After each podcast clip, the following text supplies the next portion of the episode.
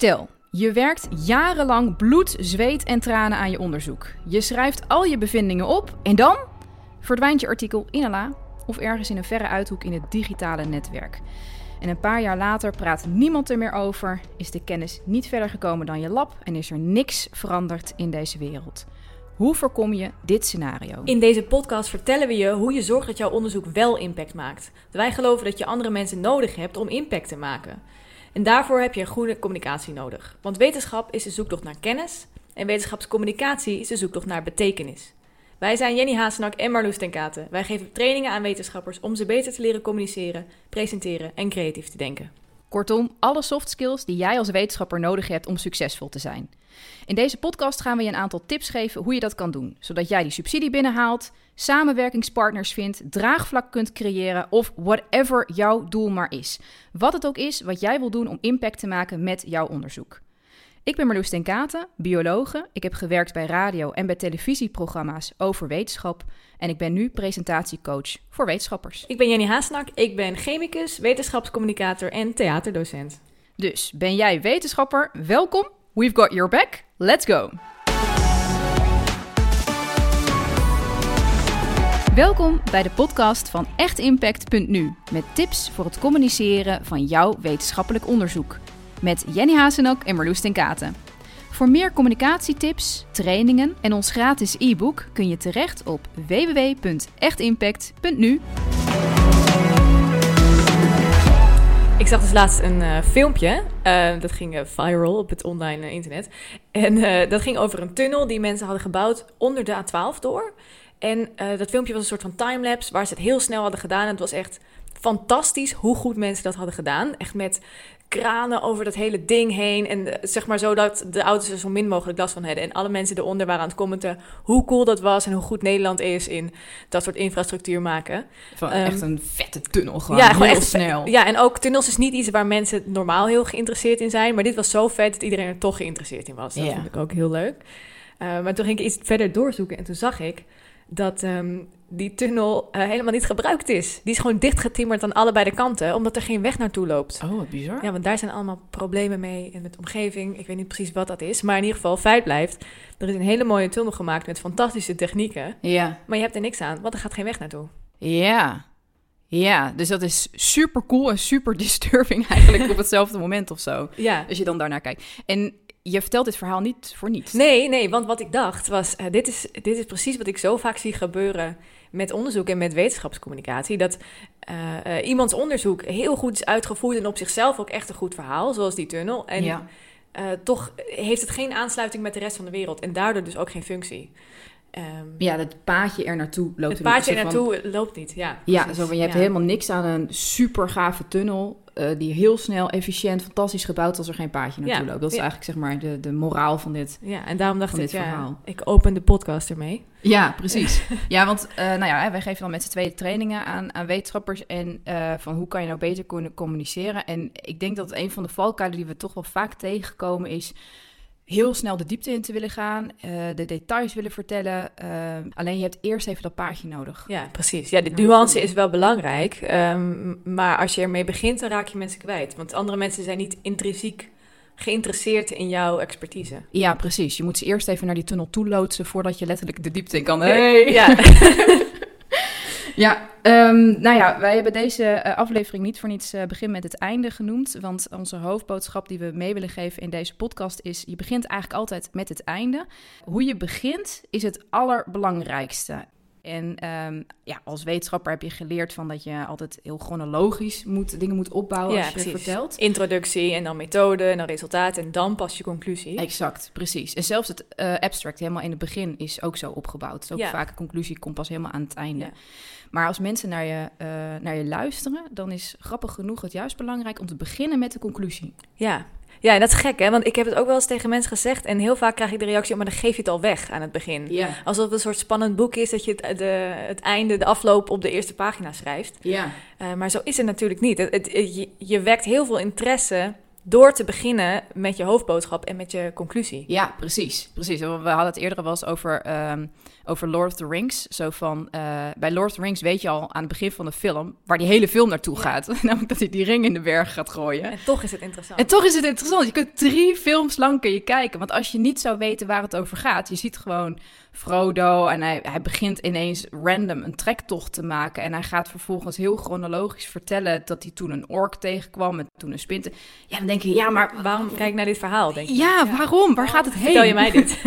Precies, dus je moet altijd beginnen met waar ga je nou eh, heen. Dus je begint met de juicy stuff. Gewoon meteen met de deur in huis vallen. Dat is eh, de, de meest belangrijke, denk ik, van alles wat we vertellen in onze trainingen, denk ik wel dat dit een van de meest belangrijke Dat denk ik ook, ja. tips zijn. Ja, blijf het maar zeggen. Blijf het maar zeggen. Wat je vaak ziet gebeuren ehm, als eh, ehm, wetenschappers beginnen, dan zeggen ze bijvoorbeeld, nou, ik ben eh, PhD-student aan deze universiteit en bij deze professor en ik doe onderzoek bijvoorbeeld naar eh, de synthese van polyesterverbindingen van cellulose. Ja, Ehm, dat is een hele typische dat introductie. is een hele typische introductie. Ja, en, en dan ook voor wetenschap, als je een artikel schrijft, is het natuurlijk belangrijk om die woorden te noemen, zodat je vindbaar bent. ja. In de presentatie moeten mensen misschien even nadenken over wat dat betekent, waarom dat belangrijk is, en dan ben je ze kwijt. ja, Ehm, dus hoe zou je dat in, in dit geval dan doen? In plaats van, even kijken, ik ben PhD-student, ik doe iets met Ja, polyesterverbindingen. ja, ik zei synthese van polyesterverbinding uit eh, cellulose. Dat is Ja. ook een onderzoek dat echt iemand doet. En Ik heb al geen idee wat je... ja, maar goed, jij bent ook de scheikundige, ik de bioloog. En cellulose snap ik nog een beetje, maar de rest gaat ja, waar je ook mee kunt beginnen is... eh, hallo, ik ben eh, deze naam en ik maak plastic van planten. Oh, Want dat is eigenlijk wat het is. Dat is Oh, eigenlijk Ja. waarom dit onderzoek gebeurt. ehm, is om plastic te kunnen maken van plantaardig materiaal. En dat scheelt in het CO2 bij de... eh, eh, ja, als je die spullen maakt. Ja, scheelt CO2 het- uit. ja, scheelt ja, dus dat is beter voor de wereld. ja. En als je daarmee begint, dan... ehm, heb je veel sneller. Dan heb je in ieder geval mijn aandacht. Heb je... Ja, en dan denk je ook, hoe kan dat dan? En Ja. planten, dat is toch geen plastic? Ehm, ik, ik, krijg, ik krijg zelf ook heel veel vragen ervan. Ja. Als ik met mijn boterham, eh, of hoe zeg je het, eh, met mijn eh, kamerplant kom, kun je er dan een boterhamzakje van maken. Ja, van je boterham, een boterhamzakje. ja, van mijn, ja, van mijn boterham, een boterhamzakje. Ja, een boterham is ook van plant uiteindelijk. Ja, precies. Ja, nee, maar inderdaad, exact. Dus eigenlijk gewoon eerst beginnen met het grotere plaatje, de, ja, wat wij dan de juicy stuff noemen. Ja. Begin daar gewoon, eh, gewoon direct mee. En soms is dat ook ja, wat verder uitgezoomd dan waar jouw onderzoek over gaat. Want het kan best zijn dat je met, met een heel, heel klein onderdeeltje bezig bent om uiteindelijk eh, eh, plastic van planten te Ja, maken. precies. Het onderzoek is heel gespecialiseerd. Dus, dus Ja. jij gaat niet in je eentje die hele reis maken, zeg maar, van Exact. De Shire naar Mordor. Je gaat die doet een Precies, precies. Ja, mooi dat we die Lord of the Rings er zo een beetje inhouden. Als rode draad. Ja, exact. Ehm, ja, ik had, ik had nog een andere gevonden eh, uit een workshop. eh, die vond ik ook wel heel tof. Dat was dan een, eh, een wetenschapper die zei... ik werk aan een elektrische neus... die aan de hand van uitgeademde moleculen kan voorspellen... of jij een darmziekte hebt. En, en zeg maar de uitleg daarvoor, die snapte ik dus helemaal niet. Maar bij deze dacht ik echt, dat is echt mega vet. Dat is heel... En ja, het is cool, gewoon van, hoezo werkt dat? Maar het Ja. is ook nuttig. Zeker, Exact. ja. Ja. precies. Ja, het is en interessant en, en nuttig tegelijkertijd. Ja, dus eigenlijk eh, doe je het goed op het moment dat ehm, eh, mensen zeggen: Oh, vertel. In plaats van: Oh ja. Ja, precies. Ja, soms als je iets vertelt, eh, ik heb het zelf ook wel eens gedaan op feestjes, dat ik aan mensen vertelde waar ik mee bezig was en dat ze zeggen, oh, oké, interessant, wil jij nog koffie? Ja, Ehm, ja, en zodra mensen gaan doorvragen eigenlijk, maar hoe, bij die neus zou ik dat ook willen doen. Hoe Ja. werkt dat dan? En kunnen we dan nog andere dingen ruiken? En wat voor darmziekten zijn het dan? En hoe, eh, hè? ja, ja. precies. Ja. Hoe weet je dat dan? Ik heb En, eh, meteen zes vragen. ja, exact. Ja, ik weet dus helaas de antwoorden niet, want ik ben niet zelf de wetenschapper, maar ik had precies hetzelfde. Ja, precies. En dat, Ja. dan weet je dus dat je, dan heb je mensen hun aandacht. En als je een aantal van die vragen kunt beantwoorden in jouw presentatie of in het praatje of hoe je dan ook aan het communiceren bent, eh, dan gaan mensen ook weer blij naar huis. Ja, precies. Nou ja, en je kunt natuurlijk het eh, aan je publiek eh, laten afhangen hoe ver je uit moet zoomen voor je buurvrouw, de, de, de, de, Ja. de persoon achter de kassa, je, je tante, je oma. Zal het waarschijnlijk wat meer uitgezoomd moeten worden dan voor vakgenoten. Maar zelfs voor vakgenoten verbaast het mij nog dat je toch vaak net even een stapje verder moet zetten dan, Dan je denkt. Dan dat Ja. je denkt. Ja. Ja, heel, er wordt heel snel, kennis wordt heel snel als vanzelfsprekend gezien. Ja. Terwijl dat niet het geval is. Maar goed, daar, daar zouden we ook nog weer een hele podcast eh, over, eh, over kunnen houden. Ik heb een heel kort verhaaltje. Ehm, ik ga hem gewoon aan je vertellen. En dan ben ik benieuwd waar jij vindt, waar, waar jij denkt dat dit verhaal over gaat. Oké, want ik ga dus nu onze tip die wij net gegeven hebben, ga ik dus nu niet doen. Kijken wat er dan gebeurt. Ik neem je mee naar Noord-Korea. Noord-Koreanen bouwen monumenten en standbeelden in andere landen. En kleding made in China wordt soms in Noord-Koreaanse concentratiekampen gemaakt. Noord-Korea heeft aardig wat bedrijven die over de hele wereld actief zijn en ze maken allerlei producten. Maar tegelijkertijd voeren ze ook cyberattacks uit op banken en ze produceren verslavende drugs zoals crystal meth. Ja, ja als, sowieso als je zegt ik neem je mee naar Noord-Korea, denk ik nee dank je. Ehm, maar als ik die lijst hoor, dan denk ik, ik... Ik was sowieso, merkte ik dat ik aan het wachten was dat je klaar was met deze lijst. Mhm. Ik dacht, maar, wanneer ga je stoppen met deze opsomming? Ja. Ehm, en ik denk wel, Noord-Korea doet dingen die niet mogen. Oh, of, ja. of het, het, klinkt ook een beetje als um, een soort van propaganda tegen Noord-Korea is slecht, want ze doen, kijk, ze doen al deze dingen verkeerd. Ja. Maar ik heb niet echt een soort van dat ik snap waarom je mij deze lijst nu hebt verteld. Nee, snap ik. En stel, um, we zouden aan het eind, ik ga het je nu ook niet, stel dat je het nu niet gaat vertellen, ik ga het wel doen, maar stel van niet. Uh, denk je dat je dan nog veel ervan zou hebben onthouden aan nee. het einde van Nee, ik ben het nu alweer vergeten. Ik weet alleen nog crystal meth. Crystal meth, ja. maar dat is vooral omdat ik daar vaak vragen over beantwoord, moet beantwoorden, wat ik een chemicus ben. Oh, wat interessant. Een beetje de Breaking Bad. Ja, precies. Maar nee, ik ben nu alweer vergeten wat je zei eigenlijk. Ja, Nee, nou, dat, dit, dit, dit is dus het geval met, uh, met vrij veel uh, uh, presentaties. Nou ja, goed, dus, dus verbale presentaties is een beetje ja, mijn forte. Mm -hmm. dus daarom zal ik veel voorbeelden daarin gebruiken. Maar dit soort dingen gaan natuurlijk net zo goed op voor geschreven teksten. Uh, dus meteen de diepte in. Eigenlijk heel netjes uh, dingen willen opbouwen. Eerst even vertellen uh, wat de feiten zijn en dan pas tot de conclusie komen. Maar het resultaat ervan is dat het dus heel moeilijk is om te begrijpen waar het nou over gaat. Dus ik zal hem nog een keertje geven. Maar nu uh, begin ik met de conclusie. Dus ik begin eigenlijk met de hoofdboodschap. Noord-Korea lijkt een kluizenaarsrijk te zijn, maar hoe komt het land dan aan zijn geld? Het land lijkt afgezonderd, maar speelt stiekem een hele grote rol op de wereldmarkt die we niet moeten onderschatten.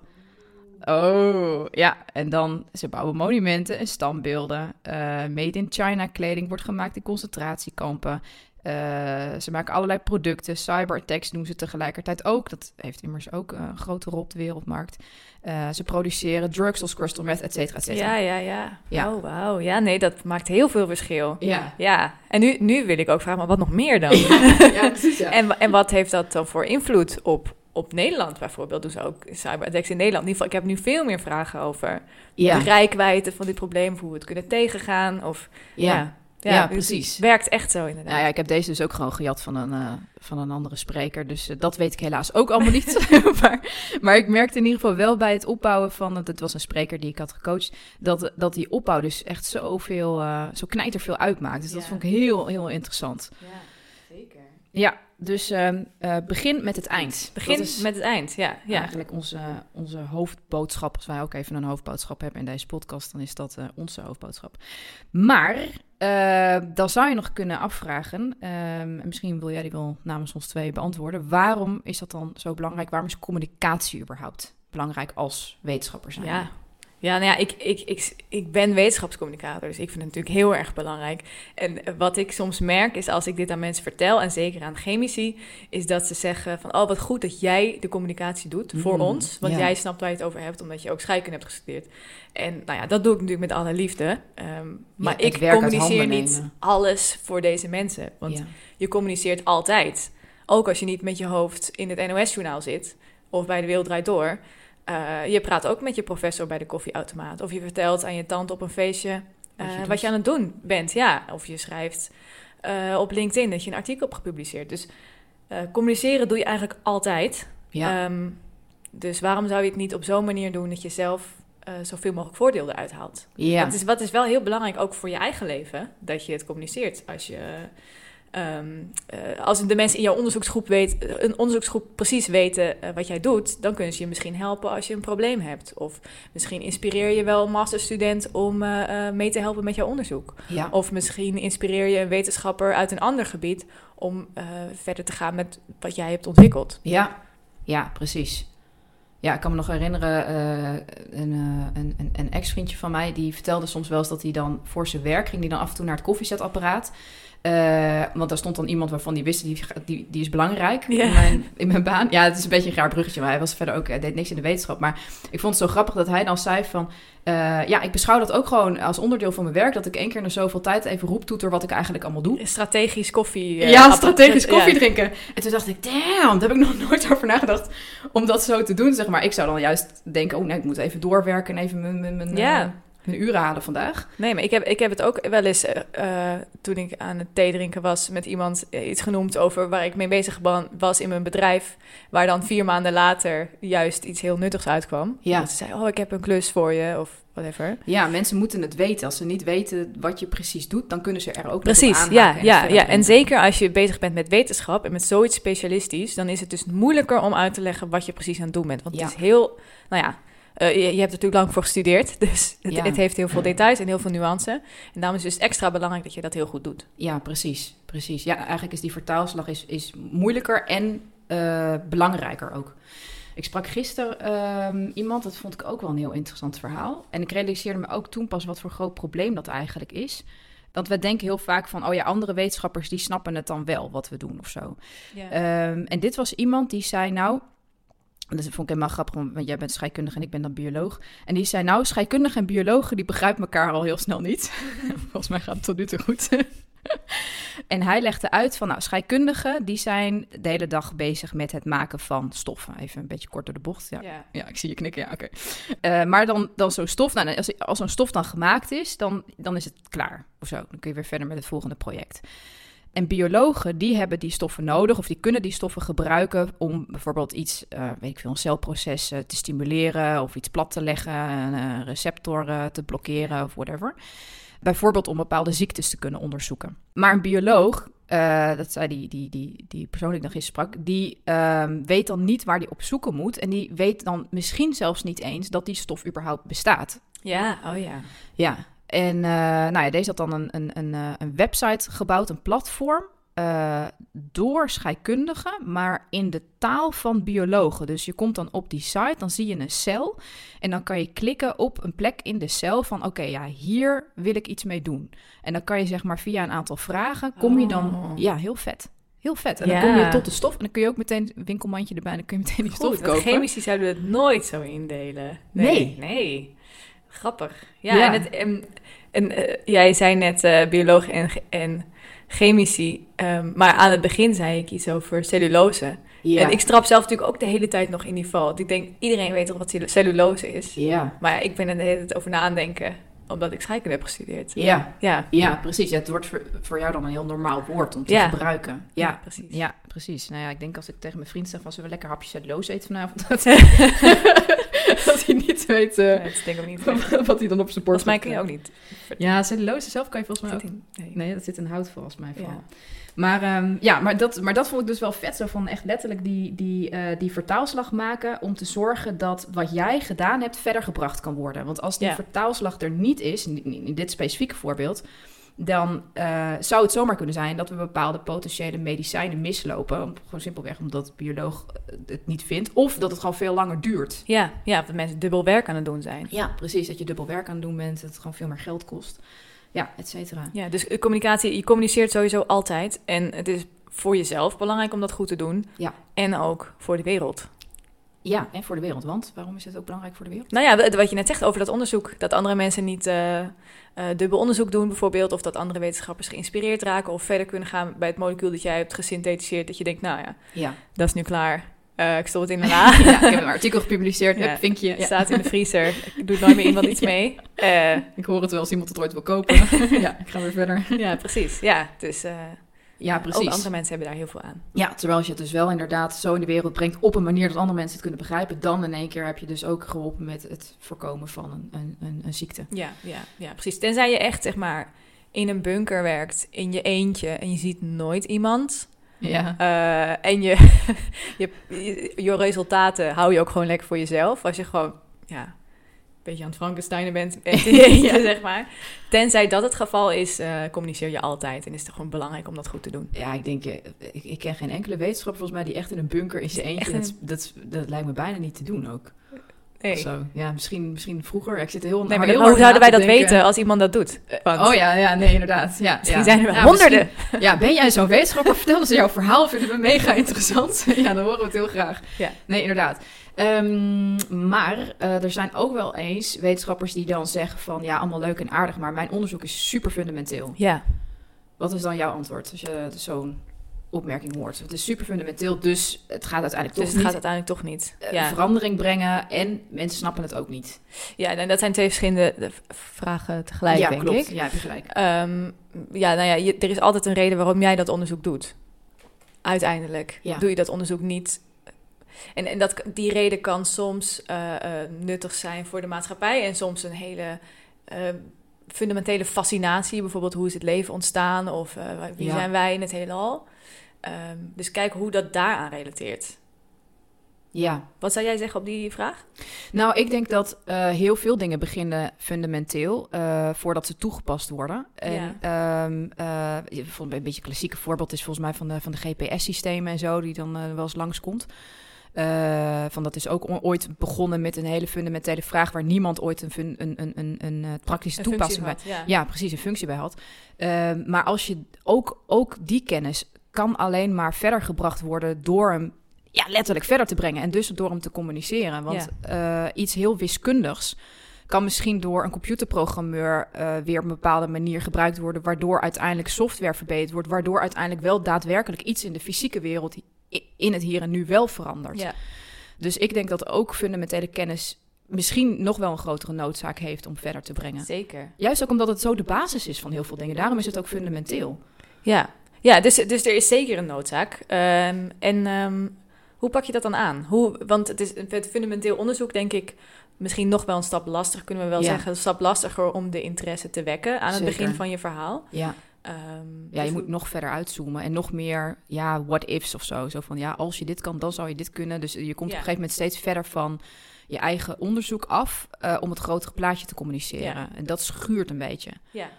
Eh, maar is wel noodzakelijk, afhankelijk van je publiek natuurlijk. Eh, dus echt leken publiek, mensen die niks met wetenschap hebben en jouw vakgebied niet snappen, heb je toch dat grotere plaatje wel Ja. eerst nodig.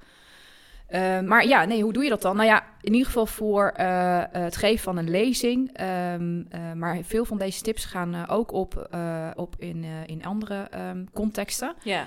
Ehm, Als je bijvoorbeeld op LinkedIn een artikel deelt wat Ja. jij net gepubliceerd hebt. Ik zie het vaak voorbij komen en dan denk ik, leuk, ik ben blij voor mensen dat ze hun artikel hebben gepubliceerd, maar Wat moet ik ermee? Ik, ik denk altijd, wel, ja, fijn dat je die stikstofverbinding hebt weten te Ja. katalyseren, maar eh, weet je, ik ga niet op het artikel klikken dan. Nee. Omdat ik niet begrijp waarom het nuttig is. Ja, precies. En dan wordt het werk of zo. Als je dat dan, dan wordt het heel hard werken om dan, als iemand even die vertaalslag voor je maakt, dan scheelt dat gewoon heel veel. Ja, ja. Ehm, ja, dus nou ja, hoe doe je dat dan? Nou ja, eigenlijk ehm, in ieder geval voor het begin van een lezing. Maar dit is inderdaad ook als je, als je op LinkedIn wil vertellen over, eh, over jouw onderzoek. eh, en dus voor een wat breder publiek. Hè. Stel dat je, dat je vader, je moeder dat eh, ook wil lezen. Even ervan uitgaan dat hij niet stiekem hetzelfde doet als jij. Eh ehm, dan zijn er eigenlijk vijf stappen die jouw publiek onbewust doorgaat. En eh, waar jij als, eh, als spreker, als schrijver, als communicator op kunt eh, reageren. En de eerste vraag die mensen eigenlijk altijd hebben, ja, nou, ja misschien kun je hem zelf wel bedenken. Dus Stel, stel je zit in het theater, er is nog niks gebeurd, maar je zit er helemaal klaar voor. Het doek gaat open, iemand loopt het podium op. Wat zou jouw eerste gedachte zijn? Ja, ik, ik denk, eh, ik, ik hoop dat het leuk wordt. Ja, ik hoop dat het leuk wordt. ja, precies. Ja, exact. Dus nou ja, dat is met heel veel dingen natuurlijk zo. Dus als je ook bij een LinkedIn-artikel of zo, als je dat scrolt, dan ga je toch eerst ga je denken, ja, ja, ga ik hier wat meer tijd aan besteden? Eh, Ja, voor wetenschap zou je misschien interessant ook wel kunnen Interessant. zeggen. Ja. inderdaad. Is het interessant, precies. En ook als je bijvoorbeeld, eh, hè, bijvoorbeeld als je aan het zappen bent op televisie of op de radio of je bent door LinkedIn aan het scrollen, dan kun je zo weer weg zijn. Ja. Maar stel, je praat voor een publiek wat fysiek in een zaal zit voor jou, dus dat niet weg kan. Zelfs dan is het nodig, want mensen kunnen ook nog mentaal weggaan. ja, of ze kunnen gewoon een e-mail gaan checken. Exact, precies. Precies. Pak ze gewoon een mobiel erbij, dan ben je ze ook kwijt. Ehm, dus de eerste is inderdaad van, gaat het interessant worden? En uh, dus het is de, de, de, de noodzaak om direct de aandacht te trekken. En nou ja, we hadden het eerder al over hoe beginnen mensen vaak met zichzelf voorstellen. Hallo, ik ben PhD, die en die, ik doe... Uh... Ja, aan deze universiteit en ik doe iets met uh, cellulose, polyester. Ja, precies. Ja, ja inderdaad. Stikstofverbindingen. Um, dat is dus niet een manier om het interessant te maken. Dus je moet met iets anders beginnen. Nou, ik zullen zo wel even een paar tips geven hoe je dat kan doen. Uh, maar laten we er even van uitgaan dat je dus iets hebt gezegd waardoor het meteen interessant is. Dan denkt het publiek daarna: oké, nou boeien. Uh, ja. ja. letterlijk boeiend, zeg maar. Ja. Uh, maar waar gaat je verhaal nou eigenlijk over of zo? Wat, wat, wat, wat wil je me nou eigenlijk vertellen? Ja, ja. En dan is het belangrijk om direct met je, daar hebben we weer, je hoofdboodschap te beginnen. Um, en vervolgens, en deze stap wordt heel vaak overgeslagen, um, dan is het belangrijk om duidelijk te maken waarom die hoofdboodschap relevant is voor jouw publiek. Ja, ja ik merk het ook dat het uh, vaak wordt overgeslagen, die denkstap van voor wie presenteer ik eigenlijk? Ja. En wat hebben zij aan mijn onderzoek? Ja, precies. Uh, uh, want natuurlijk voelt het alsof jouw onderzoek, natuurlijk is onderzoek op zichzelf belangrijk om te doen. Maar de mensen die luisteren, die denken zo niet in hun hoofd. En misschien zeggen ze het wel, maar toch zitten ze hun e-mail te checken tijdens jouw verhaal. Ja, precies. Dus wat je wil weten is, waarom is het voor deze mensen relevant? Ja, why should I care? Ja. Basically. Uh, precies. Nou, daar zullen we ook even een voorbeeldje op geven. Dat is de derde stap. En dan, stel dat je dat allemaal goed hebt gedaan. Hè, dus uh, je hebt de aandacht getrokken. Uh, mensen begrijpen waar je over vertelt. En mensen zijn ook intrinsiek gemotiveerd ja. geraakt om naar jou te luisteren.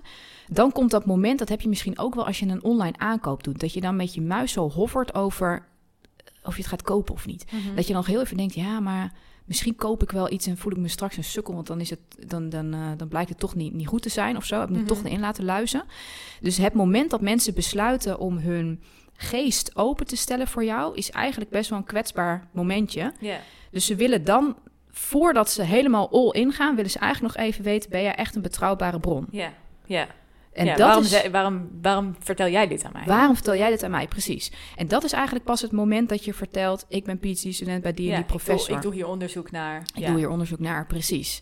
Um, dus het is niet dat je dat niet moet zeggen in je opening, um, maar dus eigenlijk pas bij stap 4. Ja. Ja, je moet het wel zeggen. Maar je moet het wel zeggen. Niet meteen. Maar niet meteen. Want, want in eerste instantie zijn mensen daar grappig genoeg dus niet in geïnteresseerd. Maar bij stap 4 zijn ze er wel in geïnteresseerd. Dat scheelt net maar een paar zinnen. Want al die stappen, dat klinkt wel ingewikkeld, maar het hoeft allemaal maar één of twee zinnen te zijn. Ja, het kan echt wel kort. Kan heel kort.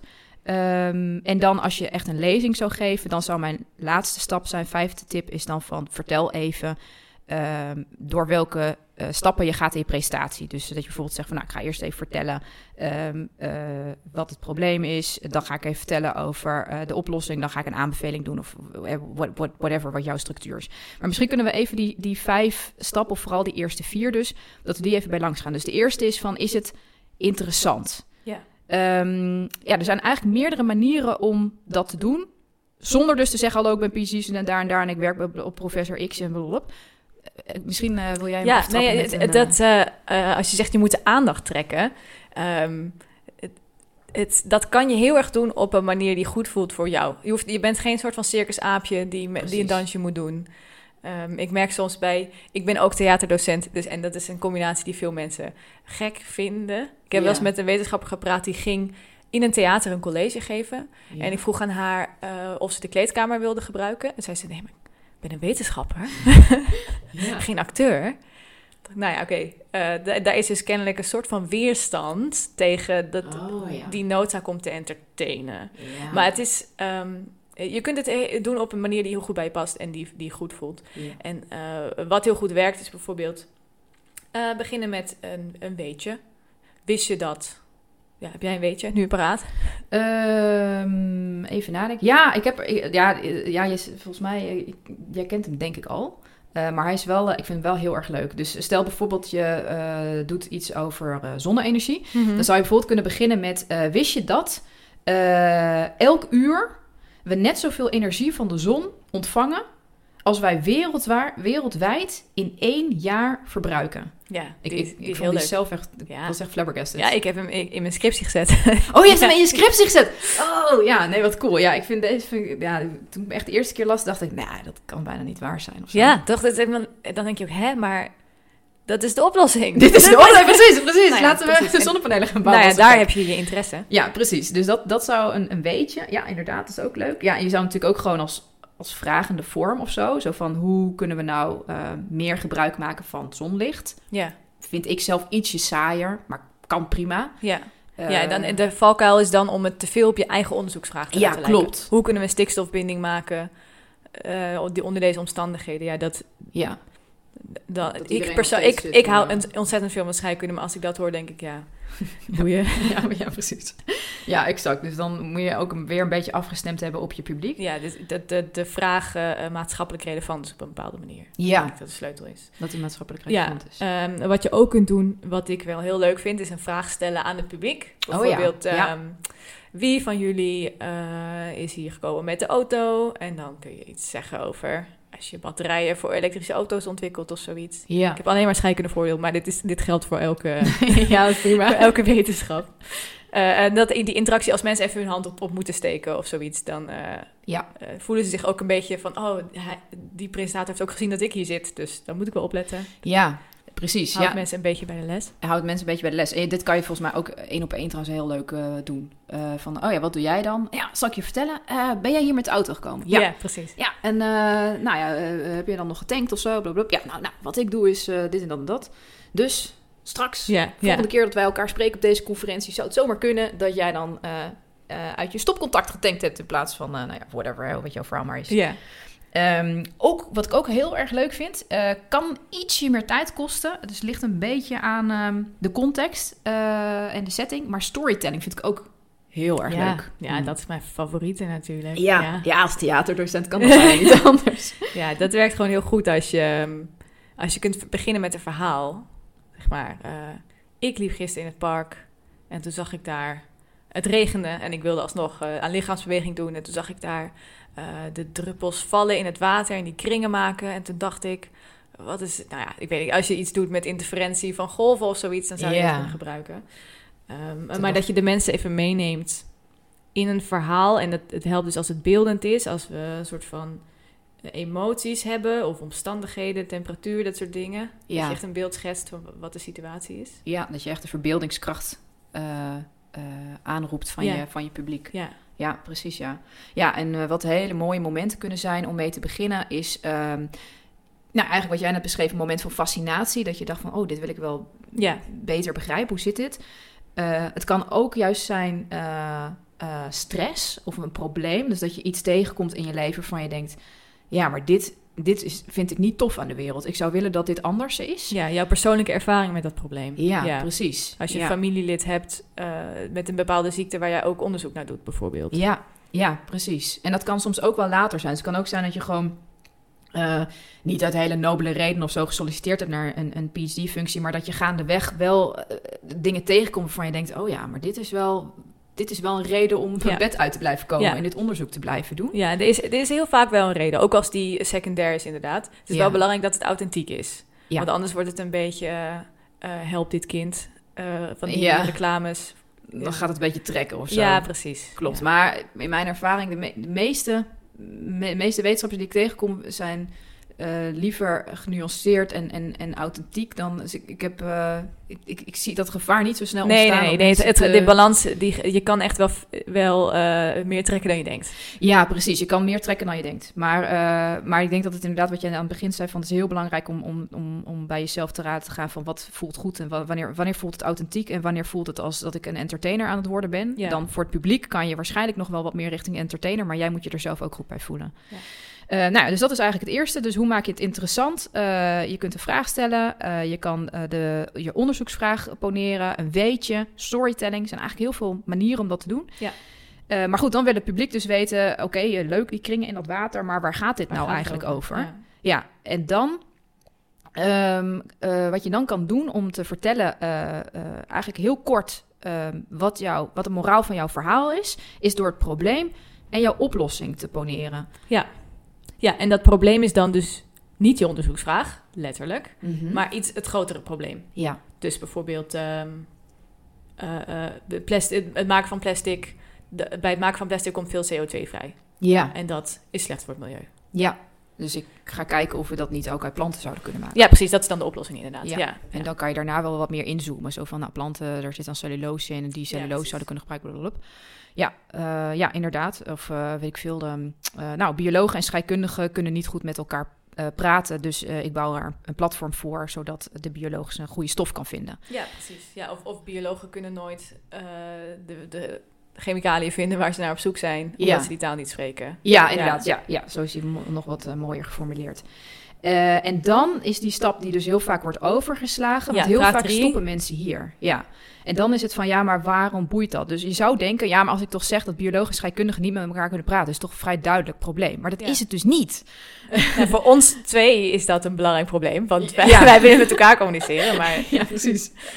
Maar, maar voor de buitenwereld, die, die, dat, en, en hier, hier, hier is heel vaak het moment dat je, als je heel erg in een onderwerp zit, dat je dan denkt van, nou, dit is zo kant en klaar als een klontje. Ja. En want jij vanzelfsprekend. gewijd aan dat probleem. Precies, wel vier jaar misschien, of, of misschien toch wel langer, met dit probleem bezig. Hoezo moet je nog uitleggen dat dit een probleem is? Nou, en dan moet je dus net één stapje verder. Dus wat is het probleem als biologen en scheikundigen niet met elkaar kunnen praten? Nou, dat misschien wel potentiële medicijnen nooit gevonden gaan worden. Of dat dat heel veel langer duurt.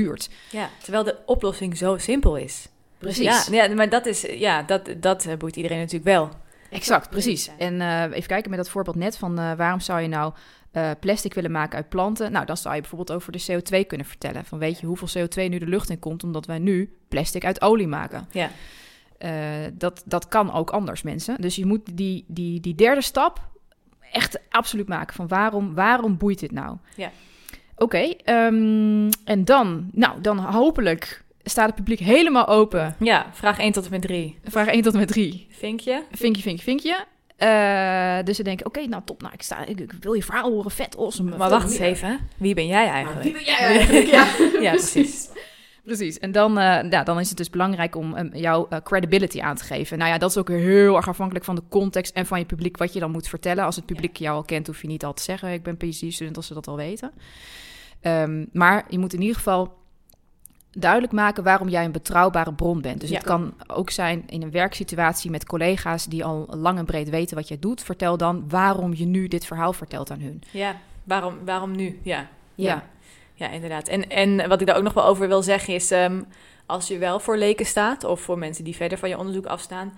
ehm, je hebt meer eh, credibility dan je denkt. Ja. Want soms als je helemaal in je onderzoeksgroep eh, zit... dan denk je, oh, maar mijn professor die weet veel meer dan ik. Ja. Ehm, ja, maar jij bent daar en jij weet veel meer dan het publiek. Ja, inderdaad. Dus dat jij een PhD-student bent op dat onderwerp... dat geeft je echt wel heel veel. Exact. Ja, Ja. zeker. Ja, dat, dan vertrouwen mensen je wel. Ja, ja, zeker, zeker. Ja, absoluut. Eh, ik denk dat mensen inderdaad meer geneigd zijn naar je te luisteren dan we, dan we vaak denken of zo. We hebben vaak het gevoel dat we ons eh, wat groter moeten maken. Of, ehm, Ja. eh, terwijl dat helemaal niet, niet altijd het geval is.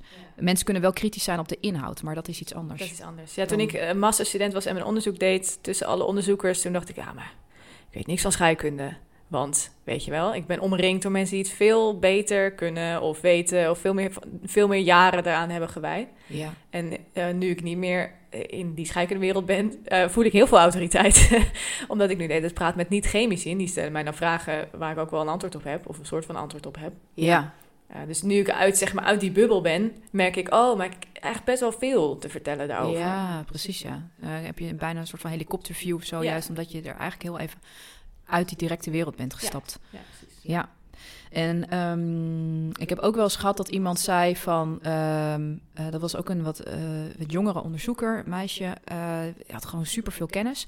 Maar die vond het wel lastig om zichzelf echt stevig neer te zetten. En dit was dan voor leken publiek die haar niet kende. Ja.